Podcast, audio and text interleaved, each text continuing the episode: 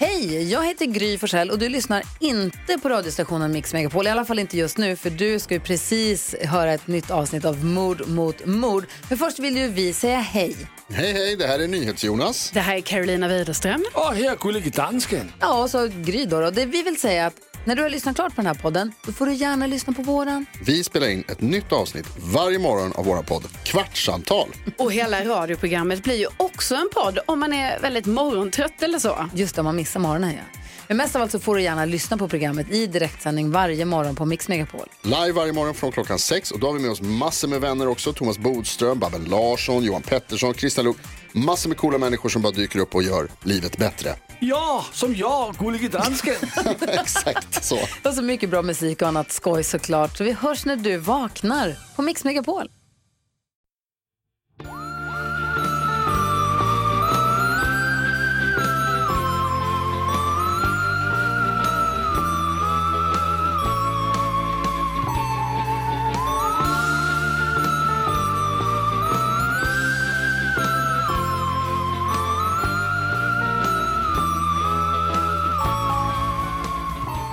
Står det? Approved by unicorns på din dator. Det är rester från ölmässan som du och jag jobbade på. Jag fick den eh, av Viggo som har Just det, just det. eh, Sweden, Swedish Brewing, Swedish Brewery. Oh, saknar tiden när vi hade en ölmässa tillsammans. Men nu, nu har vi en podd tillsammans. Det är större. Det är större, det är fler som lyssnar på den än vad som var på vår ölmässa. Det är det. Rejält. Eh, den heter Mord mot mord. Ja, Det är den här. det är här vi är Det är nu. här vi är nu. Du är, heter... Eh, nu var jag Anna Sandell jag var på väg att säga att du heter Sandra Anna. Det gör du inte. Det gör du på Instagram. och du heter Karin Londré. Ja, jag gör verkligen Mm. det. Eh, och vi är tillbaka för en ny vecka. Det är faktiskt börjar bli vår ute, vilket är så jäkla härligt. Och jag tänker allt, varje år vid den här tidpunkten, så tänker jag så här, varför är det inte grönt på träden? Och så frågar jag min, det här händer typ varje år, så frågar jag min mamma, när blir det grönt på träden? Och hon bara, i maj. Och då är det så skitlångt kvar. Vet du, eh, jag har ett, eh, på vårspåret, kommer jag, har jag ett supertydligt minne av att det finns ett avsnitt från förra våren. Mm. När du avslutar med att sjunga Vårens första dag. Så det är tydligen någon slags eh, tradition. Mm. Och det var podd. typ kanske vid den här tidpunkten. Det var nog senare, för det var nog lite grönare. Så det måste varit i maj månad. Eller kanske i april. Men din mamma helt... bor på landet nu. Ja. Ja. Fan vad mysigt Det är det är. jättemysigt. Det är otroligt mysigt. Det, hon bor där med Molly. Mm. Jättemysigt för henne, ganska tråkigt för mig. Jag saknar henne i stan. Jag fattar det. Mm. Men och eh, hon är i något litet hus. Ja. Åh gud, kan man få gå i pension already? Ja, jag vet. Vad ska Längtar. du göra när du går, ska gå i pension? Eller vad är Ehm, jag kommer kanske bo utomlands typ på vinterhalvåret. Det tror jag också att du kommer. Eh, det skulle jag verkligen vilja göra. Mm. Vart då? Spanien? Nej, Frankrike tror jag. Mm. Jag kanske kommer jobba lite, liksom, jag skulle Ja. göra lite välgörenhet. Typ. Ja, det tycker jag du ska göra. Mm. Det skulle jag göra. Vad Du skulle ska göra? lära folk om moms. Det behövs. Det behövs. Men jag kan inte, tyvärr Nej inte men du har lära ju ut. haft ett helt liv på dig. Ja, det är lära sant. Det är sant. Eh, nej men jag tänker också, eller typ man vill ju bo, nu, vi var i Paris förra helgen, Mm. eller förra eller vad det blir, när den här kommer ut. Och det är ju otroligt. Men jag kommer inte bo i Paris. Nej nej nej, jag, nej jag kommer det typ kommer man inte heller ha. i så, alltså på Rivieran eller eh, Nej, alltså- Normandie eller Jag vill bo i eh, Bretagne. Provence. Ja, Pr- Provence. Fint. Mm. Avignon. Mm. Eh, nej men man blir sån jävla jävla frankofil liksom. Frankrike är ytterligare eh, hur många franska fall har vi gjort? Vi gjorde han eh, franska doktorn, Just det. Jean-Claude Romand. Uh. Uh, man har inte så bra. Nej, tipsa om allt ni vet bara. Tipsa bara om allt ni vet som inte är amerikanska fall, Mm. tycker jag. Mm. Eh, det är man då på vår Instagram. För att jag känner verkligen, mm, vi måste ut i världen nu. Det måste vi. Vi måste verkligen ut i världen. Eh, på tal om eh, att vara ute i världen så har jag börjat lyssna på, har du börjat lyssna på, eh, på Case File? Det som bara handlar om alla jävla backpackers som försvinner i Australien. Är det ett nytt avsnitt? Nej, ja, nej. Eller jag vet inte, det kom i veckan typ. Alltså jag har jag inte fick alltså sekundär ångest i efterhand för att du var ute och backpackade i Australien. Är det han? Jag tror jag har haft honom på tapeten att jag ska göra honom. Mm. Jag vet inte om det, för det finns ju en som är han Ja. backpacker-killer verkligen. Ja. Men det är så jävla bra berättat i Case File alltid, att det liksom Ja. börjar ju du vet bara, nu är det bara att de berättar om olika ungdomar som, är är ute vad de ska göra liksom. Mm. Och sen så är det du vet bara familj efter familj som bara Åh. inte får tillbaka Så kunde alla inte, plötsligt inte få någon kontakt med sina, alltså det ger mig sån jävla ångest. Så då tänkte jag, delvis så tänkte jag på att jag blev orolig för det i efterhand. För när du var i Ja, Australien. man gjorde ju ganska mycket dumma grejer alltså. Men du vet att folk bara lyfter, men det gjorde Ja, det gjorde ju inte jag. Nej. Alltså, herregud. Nej. Men när man gick hem, när man var full och sånt, ensam och... Men fan det kan man ju få, sekund, alltså det kan man ju få eh, Jag kan få ångest mig själv. Exakt. Och det kan man ju verkligen få. Att man bara, hur fan. Och just i Frankrike, eh, där har ju vi åkt så många, eh, vi var, jag och Lovisa min bästis, vi har varit där massa, massa somrar. Ja. Sen vi var typ 16.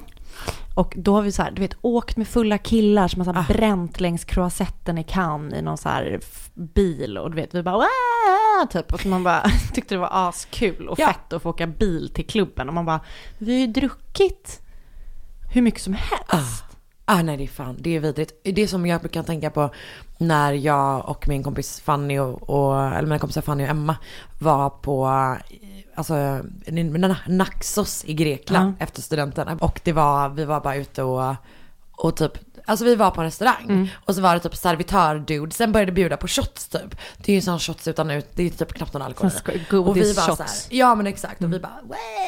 ja men verkligen så. Att man bara, nu kör vi typ. För man var king of the world. Emma gick ju hem för att hon skulle upp och måla dagen efter. Hon har ju fan koll på läget alltså. Men jag och Fanny, vi följde med dem ut. Och bara fick varsin tequila shot. Och sen så bara, åh, måste skölja ner med någonting. Fick vi mer tequila och skölja ner tequila med. Och sen stod vi liksom på en parkeringsplats och försökte bli av med dem. Och de bara stärade på oss hela tiden. Och sen sa de ju också, de bevingade orden. Let's go back to my place, do drink, do sex, tomorrow you won't remember.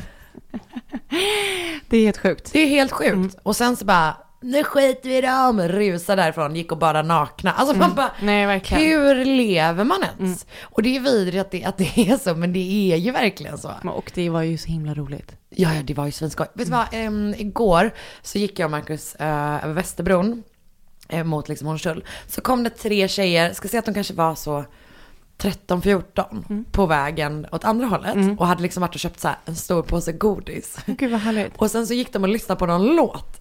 Och, och sjöng med i den. Och typ hoppade fram.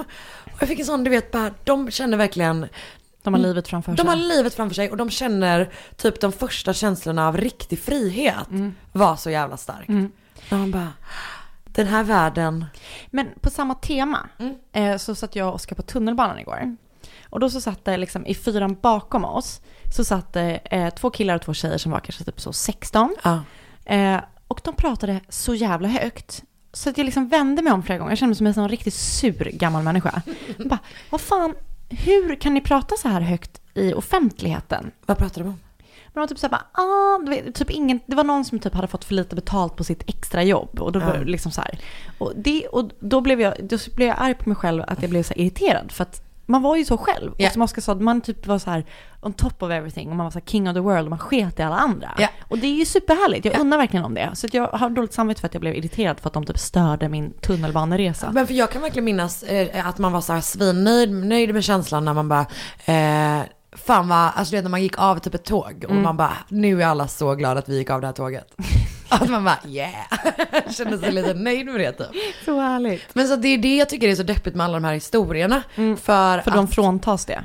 Exakt, att det liksom är så här, det är, för ganska många av de här fallen händer ju just i en sån tid när man bara, de, du vet som sagt de här eh, backpackers, de är ute och typ ska se världen innan de ska börja plugga. Alltså du vet, det finns en sån total frihetskänsla eh, som man ska få ha.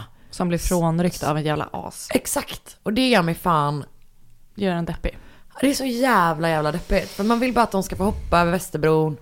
Eh, ja, precis. Inte, Inte hoppa från, från, Västerbron. över Västerbron för alltid. Kanske inte för alltid, det var deppigt om de är typ så, 45. Fast jag såg också ett, eh, alltså ett kompisgäng som var kanske så fyra kvinnor i 55-årsåldern som var på väg hem, det kanske var någon gång när vi hade varit och poddat. Eh, när jag, så jag hade varit hos dig. Och så åkte jag då liksom ur tunnelbanan. Eh, och typ att de hade varit ute och vinat tillsammans. Ja. Och de var på så strålande humör. Och alla var så jävla roliga. Gud vad härligt. Så att de bara, du vet, de var liksom tipsy, Mm. de var rowdy, de var också sådana som bara bröta i hela tunnelbanan typ. Men de hade så jävla jävla skoj tillsammans. härligt. Och det gjorde mig överlycklig. Men man blir ju glad av att se människor ha det kul ihop. Det är verkligen så. Mm. Sant ju. Har du börjat kolla på The Act? Nej, gud den har inte kommit. jag heller. Fan det är för mycket nu. Jag känner mig typ Man stressad. hinner inte med. Eh, För jag vet. den är jag riktigt sugen på. Jag med. Ett poddtips från Podplay. I podden Något Kaiko garanterar östgötarna Brutti och jag, Davva, dig en stor dos skratt. Där följer jag pladask för köttätandet igen. Man är lite som en jävla vampyr. Man har fått lite blodsmak och då måste man ha mer. Udda spaningar, fängslande anekdoter och en och annan arg rant.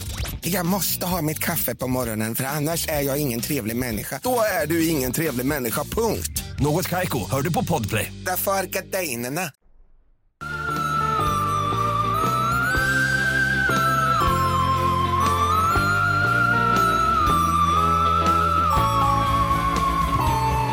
Nu gör vi avsnitt 60. Är det här avsnitt 60? Jag tror det. Ja det är det fan. Eller hur? Kul ju. Ja. På något sätt. Tänk när vi har 100. Vad ska vi göra när vi Ah, spelar vad in fan 100? ska vi göra när vi har 100 avsnitt? Då blir det fest. Då måste vi ha fest. Då måste vi ha fest. Det, Det är om kommer- 40 veckor. Det är. Det är typ, ja men det blir ju runt, jul kanske. ja det är runt jul. Det känns som det är runt jul. Mm. Då blir det det stora julavsnittet. Ja. När vi bjuder in absolut ingen. Utan vi sitter här och... Eller så gör vi en favorit i repris som vi hade när vi firade din födelsedag. Att du och jag har en hel dag och sen så får Oskar och Marcus joina. Men inget av det här var att vi skulle spela in en podd. Jo, men då, när vi hade vår heldag så spelade vi in podd. Ah, ja, jag tänkte bara nu var det bara, nu var det bara att du ville hänga på stan, dra runt på stan igen. Som de som hoppsade över... ehm, Vet du vad? En dag ska du och jag också hoppa över Västerbron. Ja. Återigen vill påpeka, inte från. Från, nej. Inte från. Det är mitt största, det skulle vara skräcken att hoppa från Västerbron alltså. Nej, nej men vi kan inte. Nej, vi kan inte tänka på Vi det. kan inte tänka på Vi det. pratar om något annat. Vi pratar om något annat. Och ut i världen ska vi. Fast inte så långt från USA, för vi ska till Kanada. Ah, Calgary, Kanada. ja. Den 29 juni 2014 åker Jennifer O'Brien för att hämta upp sin fem år gamla son Nathan O'Brien som har sovit över hos sin mormor och morfar. Eh, Nathan älskade att bo hos sin mormor och morfar. Hon var, han var liksom mormors ögonsten. Så han bodde där ofta utan sina andra två bröder som var en yngre och en äldre. Men när mamman kommer fram till sina föräldrars hus så är det något som inte stämmer. För dörren är redan öppen på glänt. Och när hon går in i huset så möts hon av en liksom, totalt fruktansvärd syn. För i huset så är det blod överallt.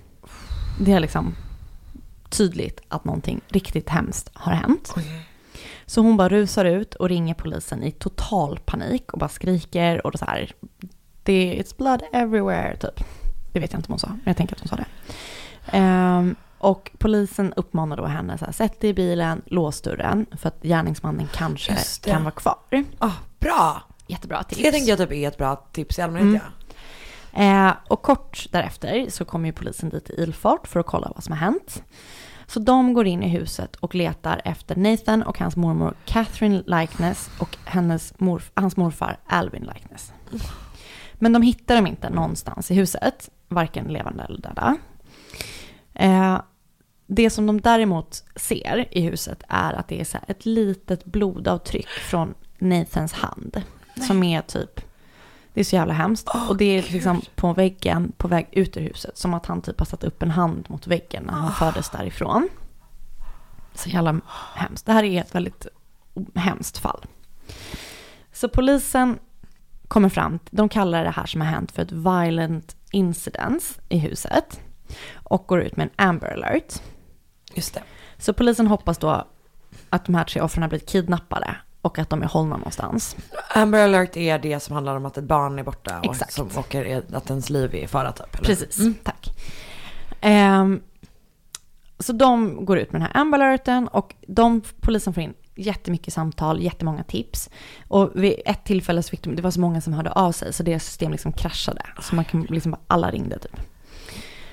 Och i sitt arbete så går polisen igenom så övervakningskameror som finns i området runt där mormor och morfar bor.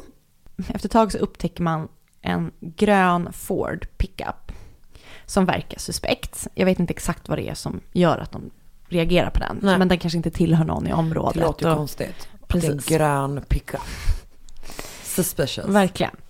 Så de eh, går ut med typ så flyers, går ut med liksom så här, om ni känner igen den här bilen så kontakta polisen. Mm.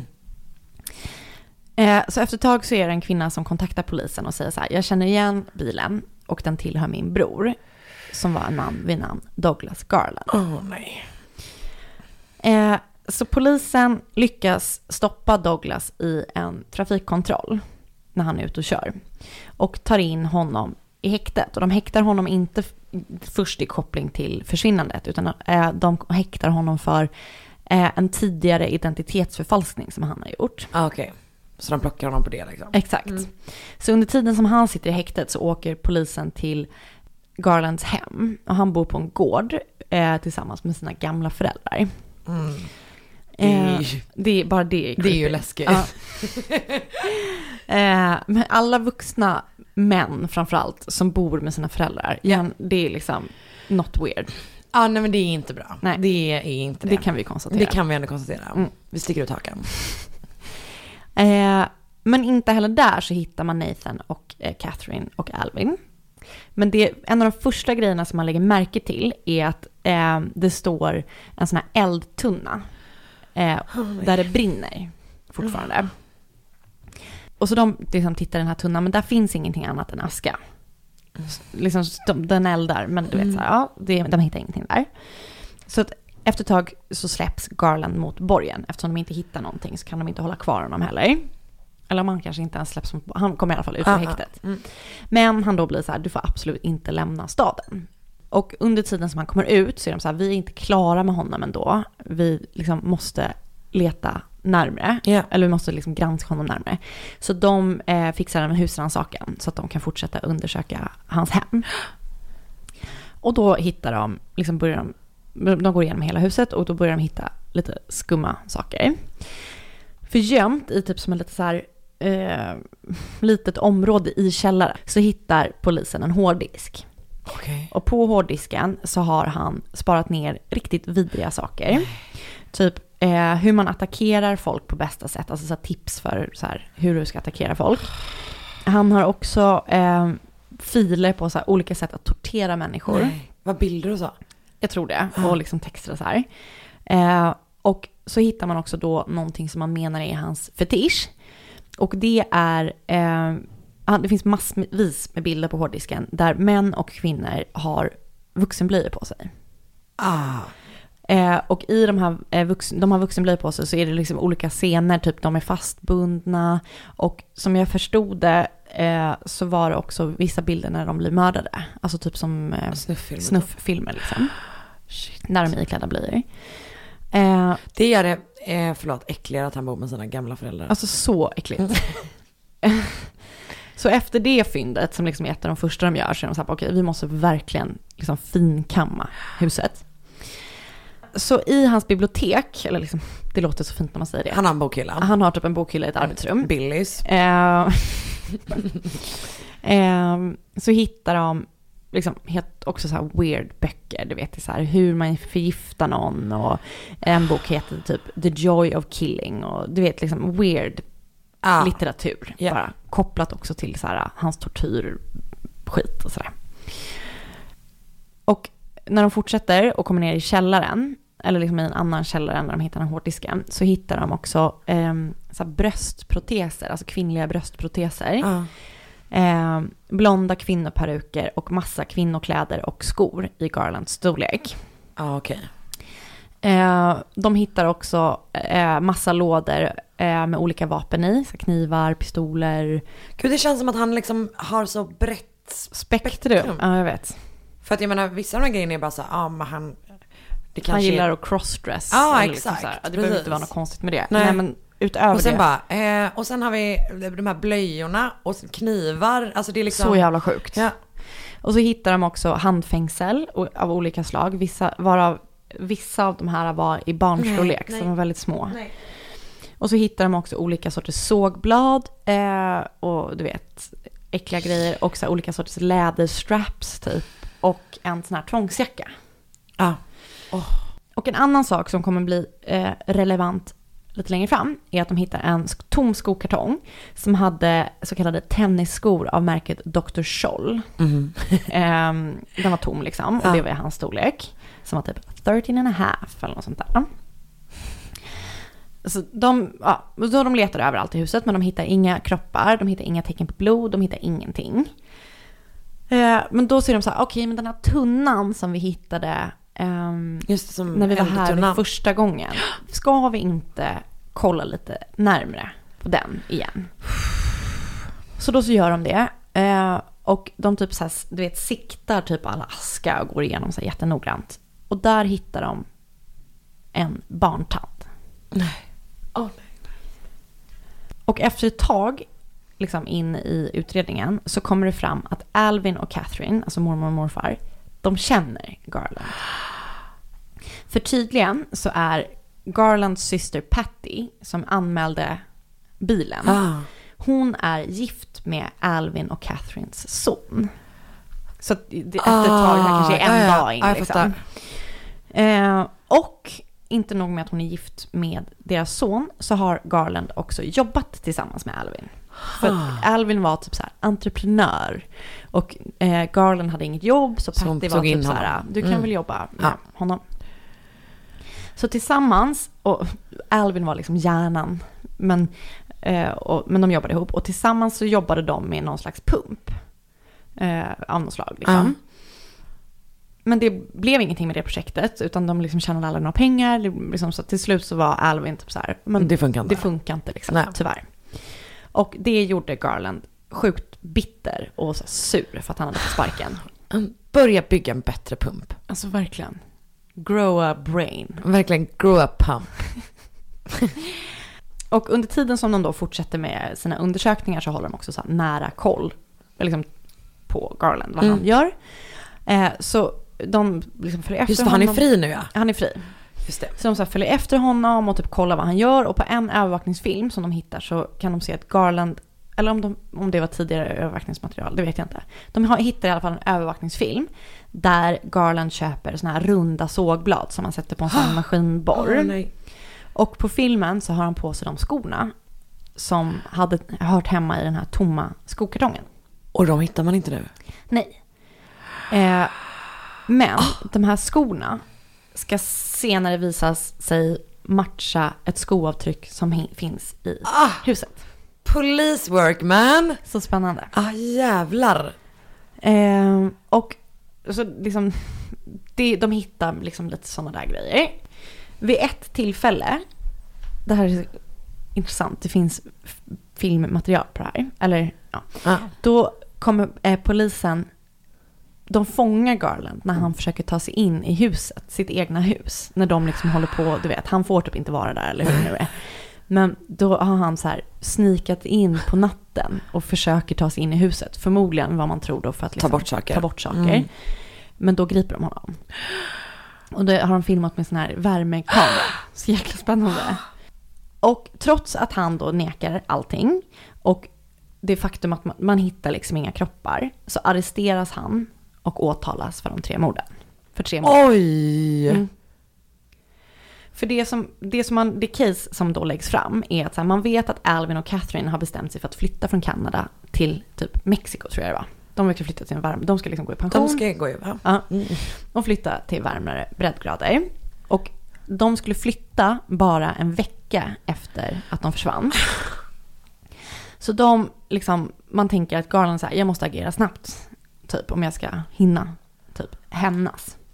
Så enligt åklagaren då, det case som han lägger fram, och är att han har borrat hål i ett lås på deras hem. Och det fanns det bilder på när jag googlade det här, så att det är förmodligen att man kan bevisa det. Ja. Att det är liksom sönderborrat. Och väl inne i huset, han ska också liksom då typ ha bevakat dem tror man. Så man, man vet, han vet liksom när det är bäst att typ attackera. Eh, Man kanske typ har sett, kan se det på övervakningen att man ser bilen och sådär. att Den står Säkert. där. Mm. Ehm, så man tror då att han har attackerat dem klockan tre på natten. Och då ska han ha gått in i rummet där Alvin låg och sov, för de sov i skilda sovrum när barnbarnet var där. Och slagit till honom med en hammare. För att sen gå in i rummet där Nathan och Catherine sov och även slagit dem med hammaren. Och polisen tror att alla tre levde när Garland typ släpade ut dem till sin liksom pickup. Men jag tycker att det låter som en helt sjuk teori. Ja, men alltså de kanske inte var vid medvetna. Nej, nej, nej, jag men, fattar. Ja, men det är i alla fall teorin som Ja, görs. I och med att det är blod överallt och att det här handavtrycket och sådär. Eh, och det som är konstigt är att man hittar inte ett enda spår från Garland i huset, förutom skorna. Alltså man hittar ingen DNA, ingenting. Nej. Så man tror då att han har haft på sig en så här forensic dräkt, du vet, som polisen har när de... Så jävla Dexter. Exakt. Åh, Eh, vad läskigt. Mhm. Och efter han då har slagit dem så eh, kör han då till gården där han bor med sina föräldrar och torterar de här tre. För man hittar, jag kommer inte gå in på Nej. vad man hittar exakt, men man hittar DNA på olika verktyg. Som då är Nathan, Catherine och Alvins DNA. Eh, och en riktigt sjuk grej är att under rättegången så eh, presenteras en flygbild som har tagits av gården av en ren slump dagen efter de försvann. Och på den här bilden så tycks man se att det ligger två torsos på gården utan huvuden, Du skojar. iförda blöjor. Du skojar. Så jävla sjukt. Och man tycks liksom se att det är en liten mindre kropp som ligger bredvid, precis vid eldtunnan. Jag har inte sett den här bilden. Men den presenterades under rättegången. Han. Eh, och i rättegången är han typ så här helt likgiltig och han visar inga tecken på ånger, du vet ingenting. Så han döms till slut för mord i alla tre fallen med tre efterföljande livstider. Eh, och ja. Men Så man, och för det som också är, när, man har också hittat, den här, man hittar den här barntanden och så hittar man också typ så här, jag vet inte hur jag ska uttrycka en bit liksom av kroppen från något som man då här leder till att det är Alvins kropp. Alltså en bit kött typ. Ah, okej.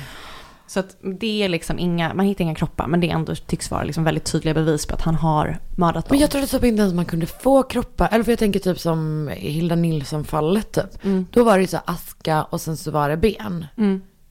Ja, jag vet inte. Men okej, men det här är ju inte en människa. Motivet kan ju inte ha varit han vill inte göra min, sin pump, min pump med mig. Det måste ju varit jag vill mörda och tortera folk. Ja, det känns ju som det. Men Och det här, förs- han såg liksom sin... Att liksom här fanns det faktiskt några som han också typ kunde tortera sig för att de hade typ varit jävliga mot honom. Men han. jag förstår inte var liksom barnet kommer in i bilden. Eller förstår du vad jag menar? Jag tänker att det är typ collateral damage. Att så här, då han inte ville lämna några vittnen typ. Fast jag tänker om han ändå hade övervakat. Han måste ju ha valt att göra det när han Mm. ändå var där. Det är så jävla hemskt. Åh jävlar! Ja, och det som, är, eh, det, det som är lite fint är att föräldrarna eh, de får en donation från en hemlig person. Så de har startat en fond som heter Nathan O'Brien Children Foundation. Där de lär ut olika sporter till barn eftersom Nathan tyckte så mycket om sport. Och de var typ så här, det hade han velat se, liksom, velat vara med på.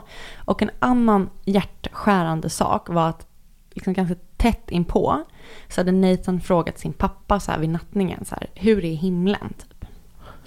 Och då hade pappan sagt så här, du kan flyga där precis som superhjältarna kan, för att Nathan älskade då superhjältar. Och då hade Nathan svarat att han skulle hälsa sin mamma och pappa välkomna dit som en superhjälte. Jag fick rysningar Mm. i hela kroppen. Alltså det är så jävla hemskt.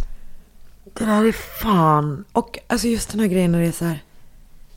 Det fin- alltså man fattar ju inte ens. alltså, Man fattar ju aldrig typ det med typ seriemördare. eller så, Men, men var, varför? Och typ Nej. så här. Jag tycker också det känns helt sjukt att det här ska vara den, den här personens första mord. Mm. När han lyckas göra sig av med kropparna helt och hållet. Och han har typ så här helt utstuderad.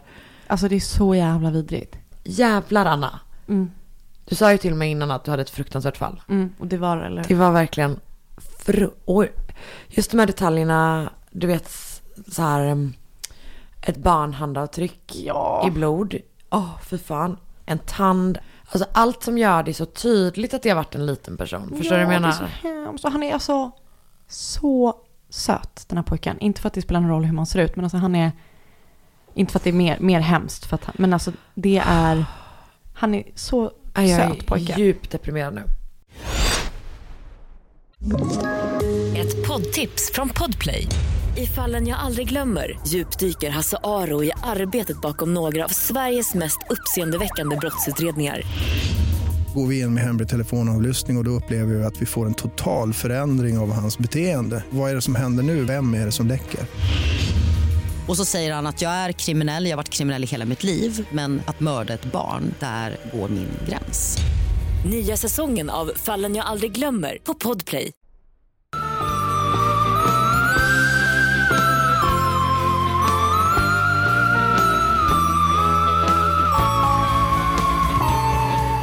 Berätta för dig om Tanya Ryder. Som växer upp i ett hem som, uh, vi är i USA, jag Mm. vet inte riktigt var. Det det är inte så stort ändå. Det, det kommer information om platser lite längre fram. Men hon växer i alla fall upp i ett hem med en hel del problem. Hon växer upp ensam med sin mamma. Mm. Och den här mamman, vilket i sig förstås inte behöver vara ett problem. Nej. Men den här mamman lämnar henne själv. Alltså Ja. flera dagar i sträck utan typ Hon är en pissig mamma helt hon är en pissig mamma, typ vet inte tillräckligt mycket med mat, alltså det är mörkt typ.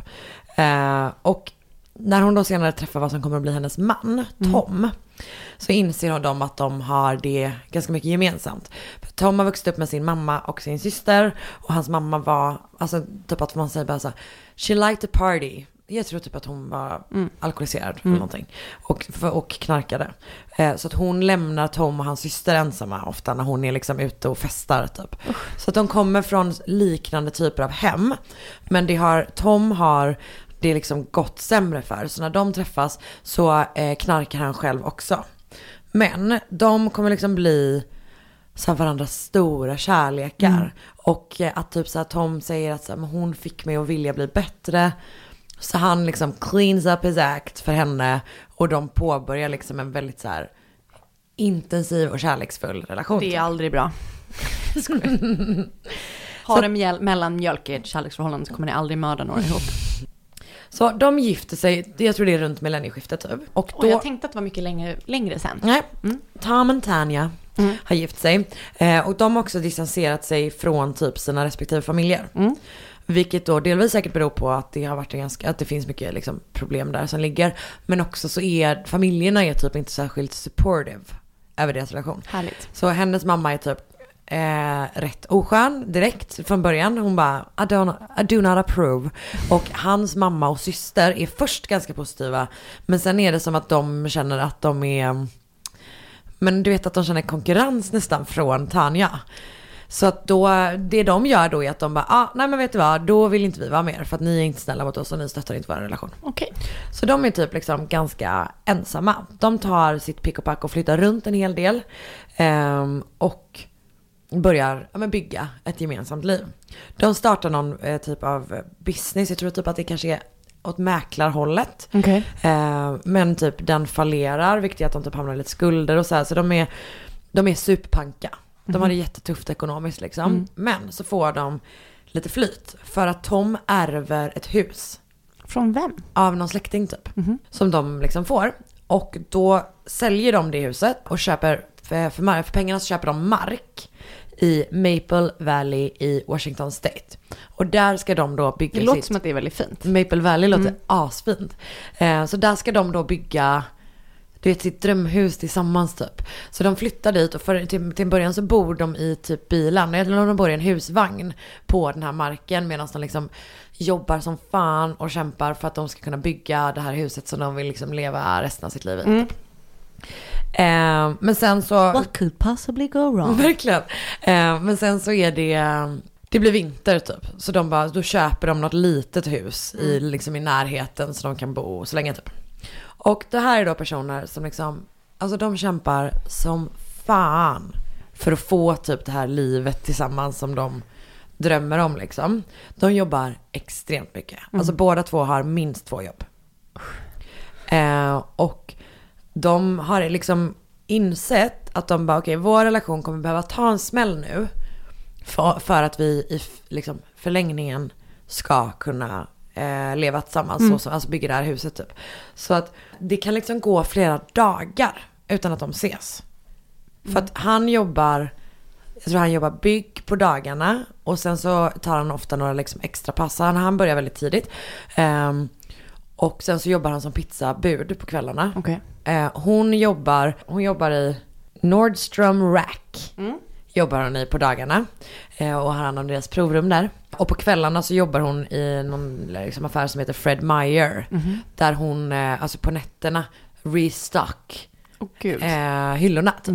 Så det gör att ganska ofta så har, när hon kommer hem från sitt nattjobb, så har han redan hunnit åka till sitt dagjobb. Alltså det vill säga Ja, som byggarbetare. tråkigt. Jag vet, det är verkligen hemskt. Och typ att det är så här, när de ses är det typ för att de råkar ha lediga dagar samtidigt. Men Mm. de har verkligen varit så, de bara, nu, det här kommer suga typ, men det är, vi har en framtid tillsammans som vi ser, som vi jobbar mot tillsammans. Liksom. Mm. Nu är det då den 20 september 2007.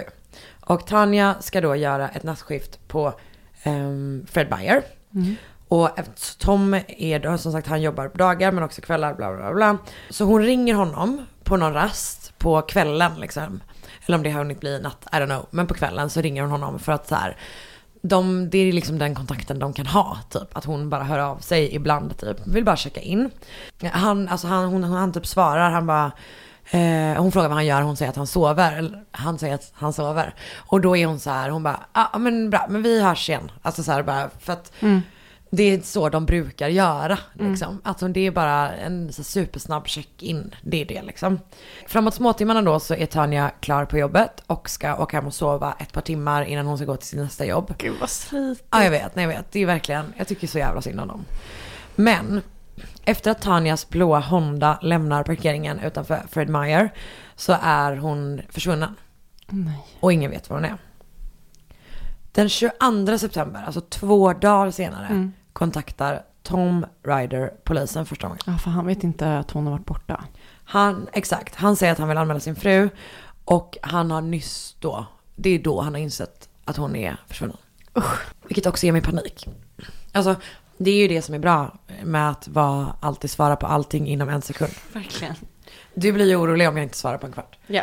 Så Tom och Tanja hade som sagt räknat med att inte se varandra på de här dagarna. Men till slut så ringer hennes chef på Fred Meyer Mm. till Tom och bara, eh, hon har inte dykt upp på sina två senaste pass typ. Vet du, vet du vad som har hänt? Hon har inte hört av sig och sagt att hon är sjuk eller någonting liksom. Eh, så han, han bara, nej, nej jag, har, jag har ingen aning, vi har, inte, vi har inte sett så här, men förklara varför. Men så fort jag får tag på henne så säger jag till henne att höra av sig liksom. Så han ringer till Tanjas telefon flera gånger, inget svar. Men det går fram signaler. Mm. Till slut lämnar han ett meddelande och bara så här, du, du måste höra av nu, de ringer från jobbet, bla bla bla.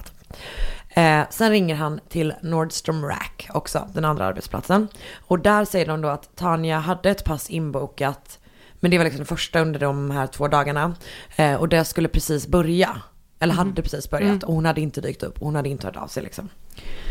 Så han åker hem och letar efter henne där och hon är inte där. Men alla hennes grejer är där. Det enda som saknas är typ ett kreditkort. Mm. Och typ hennes telefon har hon med sig sådär också. Så. Ehm, men hon är inte där. Ingen, han liksom kan inte se något misstänkt, ingenting. Så han, han ringer då polisen. Och gör då ett första statement. Vilket förstås, eh, Tanja är en, en eh, vuxen person. Som inte, ja hon hade i och för sig varit deprimerad och sådär. Men hon hade liksom inte, hon gick i terapi men hon hade inte någon medicin. Det var ingen som liksom ansåg att hon var jättesjuk Nej. eller så. Ehm, så polisen är så här, du vet vad, hon kommer dyka upp. Du får bara liksom sit back. Ehm, och han, polisen säger då att så här, hon kanske har lämnat dig. Vad fan? Jag vet, det är verkligen Alltså. brutalt. Men vet du vad han säger då? Eh, hon, han säger att han känner sig, han, bara, jag känner min fru och om hon hade lämnat mig så hade hon eh, tag, åt- tagit med sig en hel del pengar, om, om inte alla pengar. Roligt Det var sagt. kul, Ja. Jättekul. Um, så som sagt, en av dem med sig ett kreditkort, det är liksom det. De och han får får träffa någon polis men det är liksom inte, ja, han åker typ, nå- under en period så sitter han bara utanför Nordström och väntar på henne. Så det är verkligen heartbreaking alltihopa. Han får ingen hjälp alls. Han går till en lokaltidning och bara, ni måste hjälpa mig att typ efterlysa min fru. För hon har varit borta i två dagar och jag, ni, liksom, ni måste hjälpa mig att sprida hennes bild och sådär. Och de på tidningen bara, vi kan tyvärr inte göra det innan det finns en liksom, eh, polisanmälan typ. Så han får liksom ringa tillbaka till polisen dagen efter och bara, nu har det gått tre dagar, ni måste bara låta mig anmäla henne saknad liksom. Och då är det då de typ börjar fråga om hennes psykiska ohälsa. Hon har blivit diagnostiserad med depression men hon är inte medicinerad, hon går i terapi bla bla bla. Och när de då inser det att så här, men det är inte det att hon behöver någon medicin eller du vet. Nej. Så. Eh, så vet, säger de typ så här, du får nog ringa runt till typ vänner och familj. Och bara höra dig för. Och sen Mm. lägger de på. Men gud. Ja. Det har gått tre dagar. Men grejen är ju att det här med vänner och familj, alltså Tom och Tanja har ju precis flyttat till det här området. Och de har ingen kontakt med sin familj. Så att eh, de har typ några kollegor som de är typ ytligt bekanta med. Och han ringer till dem, de har ingen kontakt, de har liksom inte hört någonting från Tanja. Han tvingas då ta kontakt med deras respektive familjer som de typ inte har pratat med på så här 5-10 år. Mm. Sjukt. Men ingen har ju förstås liksom någon aning. Nej. Men till slut då i alla fall. Så just det, han kör också hela tiden mellan ehm, hennes arbetsplats. Du vet, fattar du det här att han bara är ute och Mm. letar liksom. Så han kör mellan Fred Meyer och deras hus och mellan Fred, eh, Nordstrom Rack och deras hus och bara kör de här vägarna som han tänker att hon måste ha åkt liksom. Mm. Fram och tillbaka, fram och tillbaka. Och bilen hittar man ju liksom inte heller då. Nej, eller? bilen är borta. Eh, men till slut kommer då en, en polis till Tom och han tillåts då göra en anmälan. Men det, vet, det verkar varit lite så courtesy call. De bara nu får vi nog göra det för Mm. att han inte ska liksom så. Men då kan han i alla fall gå till lokaltidningen. Och bara så här, ni, du vet, han börjar typ skrapa ihop pengar för en belöning. Ja. Just det här att han är så jävla ensam i det ger mig panik Ja. alltså. Ehm, när polisen väl börjar gräva i Tanjas försvinnande så har det gått fem dagar. Jävlar. Och Tom ger dem då direkt tillgång till alla deras konton, liksom de söker igenom huset, han är extremt tillmötesgående. Som sagt det enda han inte har tillgång till är det här kreditkortet, men Mm. allt annat får de liksom. Men, Fem dagar kan det ha hänt så sjukt mycket på också. ja ja ja, nej vad som helst, man kan ju vara i en annan del av världen liksom. Eh, Man kan ha kört till en annan del av världen. Verkligen, verkligen sant. Men det som är då är ju att vi vet ju om att människor mördas eller försvinner på grund av, oft, nästan alltid, alltså på grund av någon de känner. Mm. Och vem är den som de känner? Tom. Ja, exakt. Alltså det är hennes man Mm. och han är den enda hon känner i området typ. Så ganska snart så börjar ju polisen rikta in sig på honom. Mm. Vilket är superförståeligt. Mm. Delvis går man ju då på att han inte har anmält henne försvunnen. Ja. Vilket ju är Det sjukt. är ju konstigt. Ja, för att alltså, också så här att, att hon, de hade haft kontakt på telefon. Han reagerade inte på att hon inte hörde av sig igen. Han hörde inte av Nej, sig. Alltså du på vet två här, dagar, det är ju länge. det är jävligt lång tid. För att jag menar, jag tänker att man, man skickar ett sms på rasten. Det Mm. tycker jag är ett tips i allmänhet för relationer. Verkligen. Skicka ett sms. Så att Tom tas då in på förhör och han bara, jag har ingen aning liksom. Den Mm. 28 september så får han erbjudande om att göra lögndetektortest då, för lögndetektortest. Mm. För att klära sitt namn. Och han tackar ja. Mm. Vilket ju vi alla vet. Är det en bra idé? Nej. Mm. Eftersom det är sån jävla bank science. Så de sätter fast den. Jag har skrivit. Så de spänner fast honom i den där maskinen. Mm. Okej. Och då, ehm, men då de börjar då ställa frågor om honom, om Tanja, om deras relation, om liksom hennes försvinnande och allt sådär. Och plötsligt märker liksom personen som har hand om testet att Tom börjar bli arg. Alltså det är liksom så här bubblar upp aggression i honom Mm. när han svarar på frågorna. Och testaren är så här bara, eh, vill du ta en paus? Mhm. För jag tänker det är väl inte riktigt den typen av beteende man vill se. Eller du vet, Nej, så nej. liksom man vill mäta. Så att han får liksom, han bara får erbjudande om att lugna ner sig lite grann och tar det då. Så de, de tar en paus liksom. Och han sitter kvar i det här rummet där testet görs. När dörren plötsligt öppnas. Och in kommer de polis som säger att de har hittat Tanjas bil. Nej. I ett typ så här, alltså det är som ett sex meter djupt typ dike. Oj. Eh, alltså det, det står, jag, vet, jag tänker att vägen går och så sluttar det ner i en Ja. skog liksom. Eh, alltså den ligger liksom ut med en stor väg, bara minuter från deras hem. Nej. Alltså supernära. Och bilen är liksom extremt illa tilltygad. Alltså verkligen så här, fronten är intryckt och den står typ upp och ner. Men inte nog med att man har hittat bilen. Man har också hittat Tanja. Mhm. För hon är kvar i bilen. Okej. Hon hänger, alltså bilen är som sagt tippad på högkant tror jag. Hon hänger liksom från säkerhetsbältet Men eh, i taket. Men det som är ännu sjukare är att Tanja lever. Va?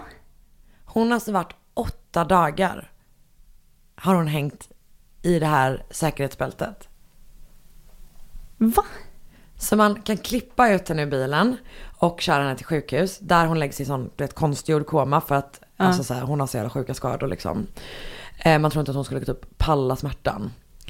Så Tanya Ryder har alltså kört av vägen den 20 september, kraschat sin bil, hamnat upp och ner, skadat sig rätt rejält jag kommer berätta hur sen.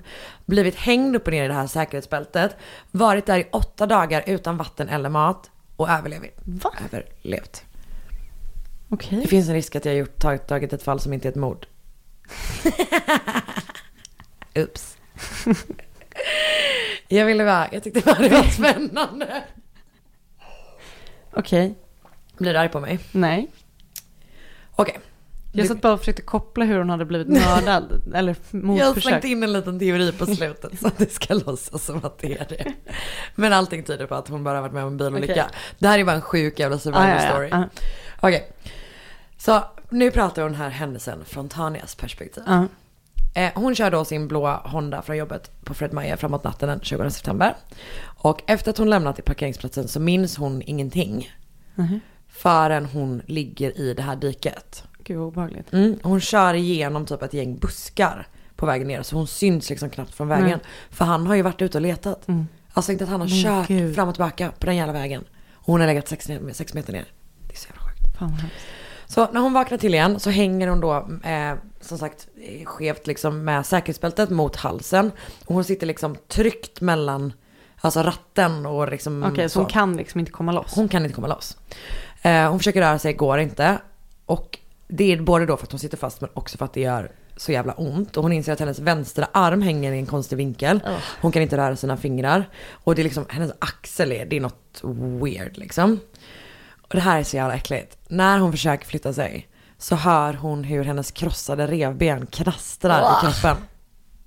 Alltså det är så äckligt. Det är sånt här man kan säga när en person inte har dött. Ehm, så hon, hennes vänstra ben sitter liksom fast mellan sätet och instrumentbrädan. Okej. Eh, alltså så tajt att det domnar. Och det har redan börjat domna. Och hon börjar vara så här bara, hur länge kan man klara, du vet utan blodtillförsel typ. Vad fan kommer hända med det här?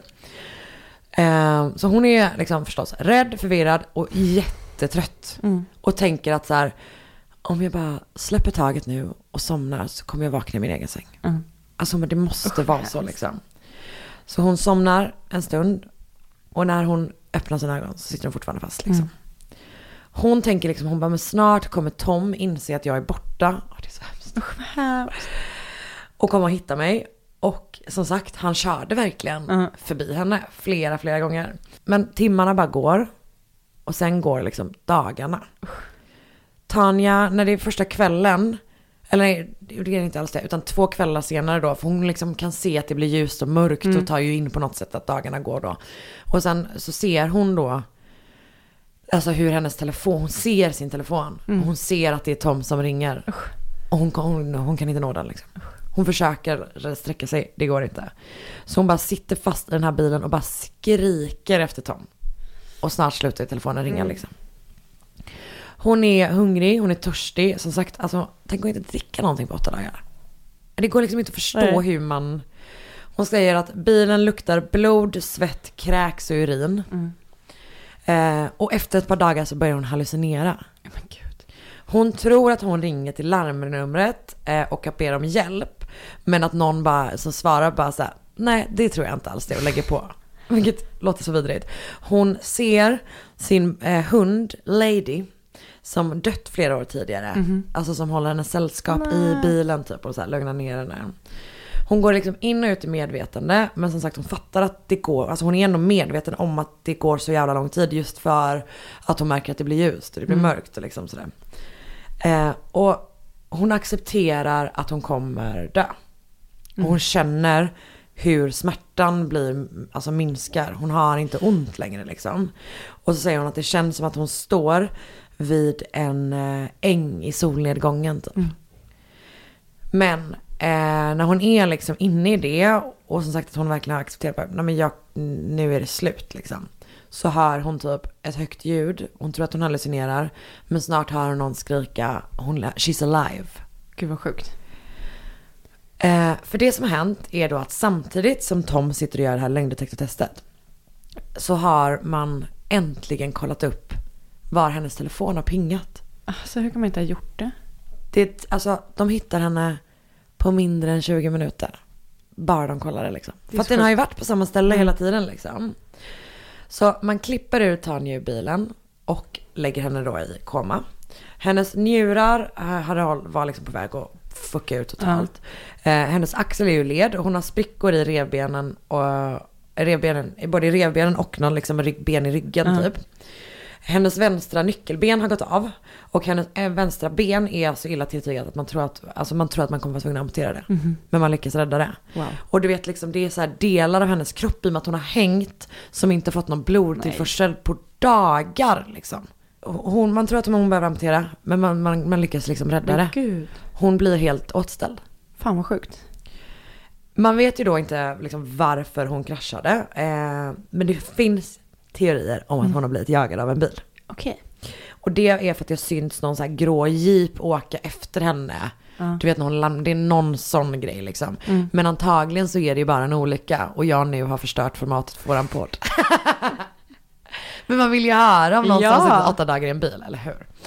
Eh, Okej, så att det här, man vet som sagt, man vet inte riktigt vad som händer. Men så här säger hon då själv om att hon inte vet och eh, antagligen aldrig kommer få veta. Even now, four years later, I don't remember what happened or why I crashed. And I, four years later var ju då, det är en gammal Mm. artikel uppenbarligen. Uh, I, um, I don't remember what happened or why I crashed and I hope I never do.